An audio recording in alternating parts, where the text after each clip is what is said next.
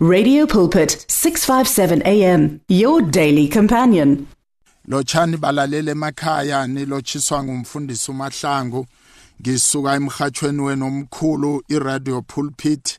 Umngani wenu wamalanga wonke nginilotshisa ehlelweni ikonzo eh ngibawa sithathele lithuba sikhonze uzimu siloche uzime egameni elinamandla lenkosi yethu Jesu Kristu. Ngifuna ukukhuluma msinyana ngesihloko esithi going back to God returning to the Lord. Ukubuyela noma namkhana asibuyeleni ekosini namtchana asibuyeleni kusomnini kuzimethu. Sihloko engifuna ukukhuluma ngaso izwi lenkosi silithola lapha kuHosiya. Eh uHosiya isahluko 6 sifunde uverse 1 abantu bathi nambani sibuyele kusomnini? Nanyana asirathulile nje kodwana uzosipholisa. Nanyana sikhubazile nje kodwana uza kubopha amancebe ethu. Babegameni elinamandla lenkosi yethu Jesu. Izwi lakho leli khuluma ngalo baba usilungisise. Khuluma ngalo baba usiqondise endleleni yakho. Khuluma ngalo usiyale ngendlela ethandwa nguwe gameni elinamandla lenkosethu Jesu Kristu. Amen and amen. Bantwana bakazimu ngaso sonke isikhathi abantwana bakwaIsrayeli kuba nesikhathi lapho basuka kuzimu baloche abosingazimu basuke kuzimu benze yabe intando bangenzi intando kazimu.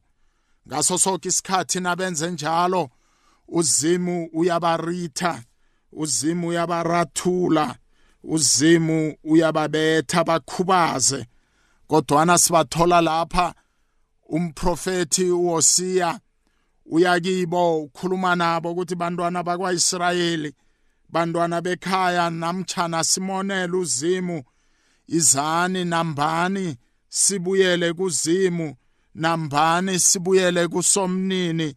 Nanyana asirathulile nje kodwana uzosipholisa. Nasibuyela kuye nanyana sikhubazile nje kodwana uza kubopha amancebe ethu. Nasibuyela kuye. Into esiyitholako lapha namhlanje mlaleli ukuphenduka. Ngiyo yodwa indlela yokubuyela kuzimu. Zimethu na ufunda incwadi yamaGalatia sahluko 6 verse 7 ithi ungakhohliswa uzima kenziwa isidlayela na ufunda incwadi kaMalaki 3 verse 7 zwele Nkosi lithi buyelani kimi nami ngizakubuyela kini. Uzima uyathokoza mlaleli ekhaya nasizibona izono zethu sibuyele kuye. Sibona abantwana bakwaIsrayeli umprofeti uHosiya uthi nambani sikhambe sibuyele kuzimu. Nanyana sirithile asibuyeleni kuye uzosipholisa nanyana asikhubazile nje asibuyeleni kuye uzokubopha amanqebe ethu. Abukho bunye ubalekelo bazalwane emakhaya nawe emlaleli ngaphandle kokubuyela kuzimu. Ukuphenduka uchizono zakho buyele kuzimu ngiyo yodwa indlela yokubuyela kusomnini ngiyo yodwa indlela yokubuyela ebukhoneni bukazimu. Sono siletha ukuhlukana phakathi komuntu nozimu. Sono uzima kasifuni uzima ujamelene nesono. Funeka kuphela sibuyele kuye ngokuthembeka sibuyele kuye ngokuvuma izono zethu ngeqiniso zimu uzosamukela namnyana sirithile uzosipholisa nanyana sikhubazile uzosibhanditsha amanqebe ethu sibuyeleni kuye. Namhlanje emlaleli hlale wazi ukuthi indlela yinye indlela yokubuyela kuzimu ukuphenduka uchiye izono zakho. Ngeke umkhohlise uzimo njengoba litsho izwi lenkosi kumaGalatia ngeke uzimo umqambela amanga ukuthi wena uyaphenduka ubuyela kuwena. Sifunda izwi lenkosi encwadini yezikronike zesibili sifunda isahluko 7 uverse 14 izwi lenkosi lithi uma abantu ababizwa ngegama lami bangazithoba bakhuleke bafuna ubuso bami babuyele kimi balisa indlela zabo ezimbi uthi mina ngiyakuzwa ngisezulwini ngithethelele isono sabo ngiphilise nezwe labo. Zimu uyafuna zimbegoda ulindile ukuthi thina sibabantu bakhe thina sibizwa ngegama lakhe sizithobe ngoba bazalwane ukungazithobi. Ngikhe kwenza bonyana sibhalelwe kubuyela kuzimu. Ngakho umprofeti uHosiya uthi bantwana bakwaIsrayeli nambani sikambe sibuyele kuzimu? Namtchana uzimu asirathulile uzosipholisa. Namtchana uzimu asikhubazile uzosibopha amanqeba. Sibuyeleni kuzimu bantwana bekhaya. Sibuyeleni kuzimu balaleli. Sibuyeleni kuye ngoba uzimu ufuna sizithobe. Sono sethu senza singazithobi. Sono sethu senza singakhuleki kuzimu. Sono sethu senza singabufuni ubuso bukazimu. Sono sethu senza singachiyi indlela zethu ezimbi. Sono sethu senza sibhalelwe ukufuna ubuso bukazimu. Kodwana namhlanje uzimo uthi uma abantu bami ababizwa ngegama lami bangazithoba. Sizithobe bazalwane sazi ukuthi indlela yinye yokubuyela kuzimu ukuphenduka ukulahla izono ngoba isono siletha ukuhlukana hlangana komuntu nozimu. Uzimu ujamelene nesona kasifuni. Uzima kabafuni nabazalwane nabantu abangakathembeki. Kuphenduka ngikho kodwa bazalwane okuletha ukuthethelelwa kwezono nokuthi sibuyelane nozimu. Mzalwana ngazibuza ekhaya uyabuza uthi mfundisi ngibona ngani ukuthi kufanele ngibuyele kuzimu na? Ngibona ngani ukuthi ngisukile kuzimu na? Na usukile kuzimu? Awuliqali nokuliqala awulilaleli nokulilalela izwi likazimu. Na usukile kuzimu? Awuyilandeli nemithetho yakhe. Na usukile kuzimu? Awulithandi nokulithanda izwi lakhe. Na usukile kuzimu awulenzi nokulenza izwi lakhe wenza yakho intando uziphethe ngalendlela ofuna ukuziphatha ngayo. Na usukile kuzimu ufihla izono. Na usukile kuzimu awufuni ukuthi izono zakho zaziwe.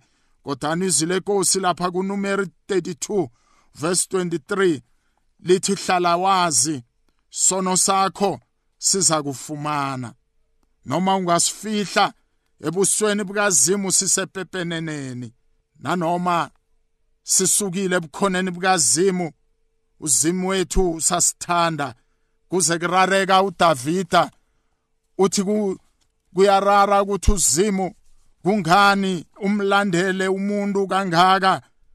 Ngabe umuntu wenzeni ukuze uzimu amlandele kuze kube sekufeni? Ukuthi aphenduke abuyele kuzimu. Zimethu unomusa kithi. Zimethu ufuna sibuyele kuye. Thina bazalwane singaphasi komyalo omkhulu wokuthi sikhambe siyokuchumayela ivangeli silichumayele ezizweni zonke. Nase kufanele sikwenze lokho asikwenzi ngombana sisukile ebukhoneni bukazimu. Chumayela ivangeli imsebenzi wethu. Chumayela ivangeli kufanele sikhombise ukuthi uzimu siyamthanda senze intando yakhe. Abanengi bethu sisukile ebukhoneni bakhe asimlaleli uzimu siyamvukela uzimu futhi senza lokho esikuthandako. Siyabaleka sibaleke nobizo lethu uzima sibize ngalo siyafana noJona egada athunyiwe ukuthi ayokuchumayela ivangeli eniniva kodwana yena wachinga etarachichi enza yakhe intando angenzi intando kazimu. Abanengi bethu sibalekile sichiya ubizo lethu neziphiwo zethu zikamoya esiziphiwe nguzimu. Abanengi bethu siyakwala nokulungiswa nguzimu. Ncwadi yamaHebheru isahluko 12 uverse 6 lithi izwi lenkosi uzimu uyabasola laba abathandako ngothando abalungisise. Namhlanje ngiyamemezela kuwe mlaleli ngiyamemezela kuwe ekhaya mzalwane. Wena usukile kuzimu wabuyela emuva esonweni. Ngithi namhlanje asibuyele kuzimu ngokuzithoba asibuyele kuzimu sifune ukuqolelwa sizithobe. Sibuyele ngeqiniso nangokuvuma izono zethu. Omunye angabuza athi mfundisi yini engizoyizuza ngokubuyela kuzimu na? Nasifunda izwi lenkosi encwadini kaLukas. Sifunde ngendodana yolahleko. Izwi lenkosi likhuluma ngalendlela ngoba sonke sisukile kuzimu. Siyafana nalendodana yolahleko eyaya kuyise yathatha koko kwayo yakhamba yayokumotsha ezweni elikude. Izwi lenkosi esilifundako kuLukas 15 sithoma kuverse 17 lifundeka ngalendlela. Kwathi nayiqaqulukako yathi bangaka abaqatshwa bakababa abadla kusale na? Qala mina indlala ingiphodla kokufa lapha. Yeke ngiza kusuka ngiye kubaba ngifike ngithi kuye baba ngonile phambi kwezulu naphambi kwakho. Angisafaneli ukubizwa njengendodana yakho. Ye ungithathe njengomunye wabaqatshwa bakho. Yasuka ke yaya kuyise kodwana kuthe sesekude uyise wayibona wayihawukela wayigijimela wafese wayigona. Wayincwanga emhlathini. Ndodana yathi kuye baba ngonile phambi kwezulu naphambi kwakho. Angisafanelanga ukubizwa ngendodana yakho. Kodwa uyise wabiza amakhobo kakhe wathi kiwo habani lechani sambatho sakanokutsho niyembathise. Ifakeni inzilamnwana emnwenayo. Namaphatlagwana enyaweni lethani ithole elinonilisiweko nilihlabe asibeni nomnyanya sigidinge. Zwele nkosi likhuluma ngendodana yolahleko egade isukile e- e- e- ebukhoneni bukazimu nebukhoneni bukayise. Yathatha konke ifalayo yakhamba yayolidla ezweni elikude kodwana uthena kabuya. Sekaqaquluka buyela kuyise uyise akhe ngamlahle kodwana wambathisa emnweni akhe idzila mnwana egade ikhombisa ukuthi izono zakhe zithethelelwe noma lokho akwenzileko kumbi sekususiwe ubabakhe umqolele. Nathi kunjalo nasibuyela kuzimu uzimu simbathisa kuhle ususa amahloni asuse isono sethu asimbathisa amapatlagwana okukhomba ukuthi kufanele sikhambe siyokuchumayela ivangeli uzimethu asigqwalise futhi emoyeni ethu asinikele amandla sibusise ukuthi sikhambe siyokwenza intando yakhe. Ngiyakholwa bazalwane ukuthi izinto zizokulunga. Ngiyakholwa mzalwane ekhaya ngiyakholwa mlaleli ekhaya ukuthi konke kuzokulunga. Wena buyela kuzimu vume izono zakho uphenduke ngeqiniso. Uzima uzokubuyelana nawe uzima ungekho akubalela izono zakho ngoba uJesu wethu waba umnikelo wezono zethu ukuthi zisuswe yena abe yihlazo ukuze thina mina nawe emlaleli ekhaya sithethelelwe izono zethu. Nanamhlanje uzimethu ulindile ufuna ukusithethelela izono zethu ufuna ukusibusisa njengendodana yolahleko eyathi nayiqaqulukako yabuyela kuzimu yabuyela kubabayo. Nathi bazalwana siqaquluke asihlathuluke engqondweni zethu. Sizibone ukuthi sonile sibuyele kuzimu sivume ukuthi zimu sonile phambi kwakho. Nakulo izulu uzimu ngekho asibalele izono zethu. Uzosithethelela uzimu uzokubuyelana nathi.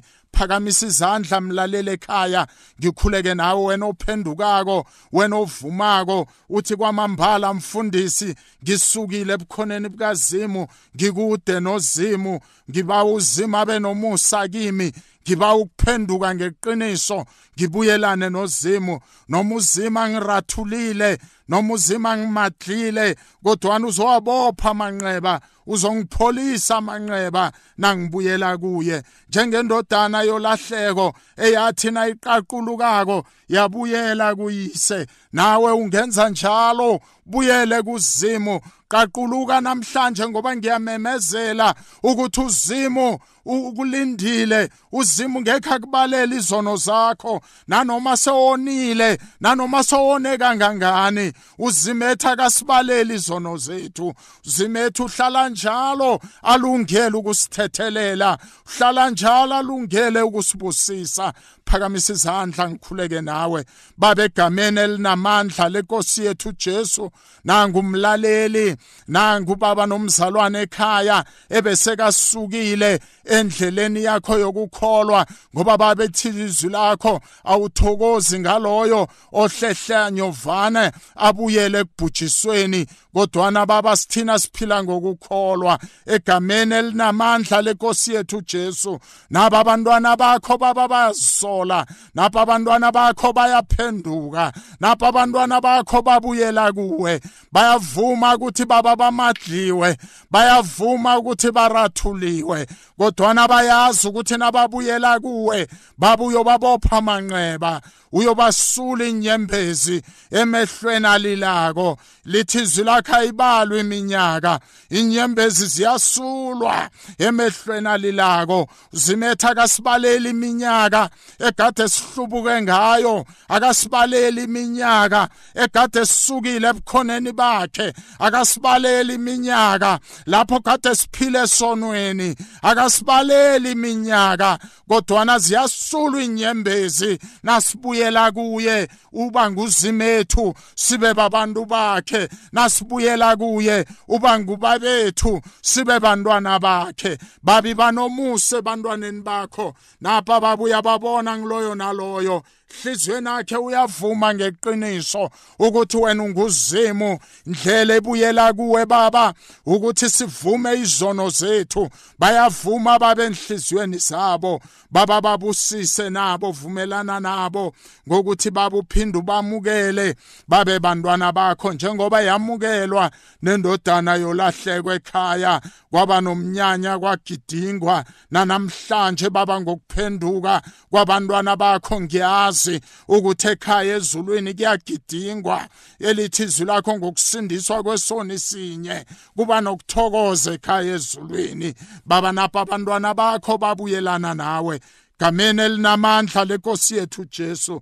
Babiyele ngomlilo nangenkazimulo. Ngavumi baba baphinde basuke ebukhoneni bakho. Baba siyabuyela namhlanje ebukhoneni bakho. Siyabuyisana nawe ngoba siyazi ukuthi ngaphandle kwakho baba abukho ukubalekelwa akukho ukuphila.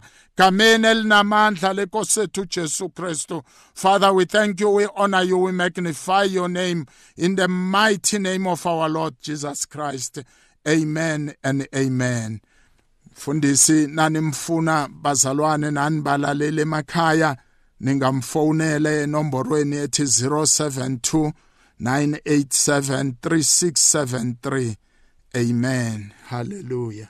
The words of the Lord are words of life Your heart is on 657 AM. 657 AM. Radio for believers in action.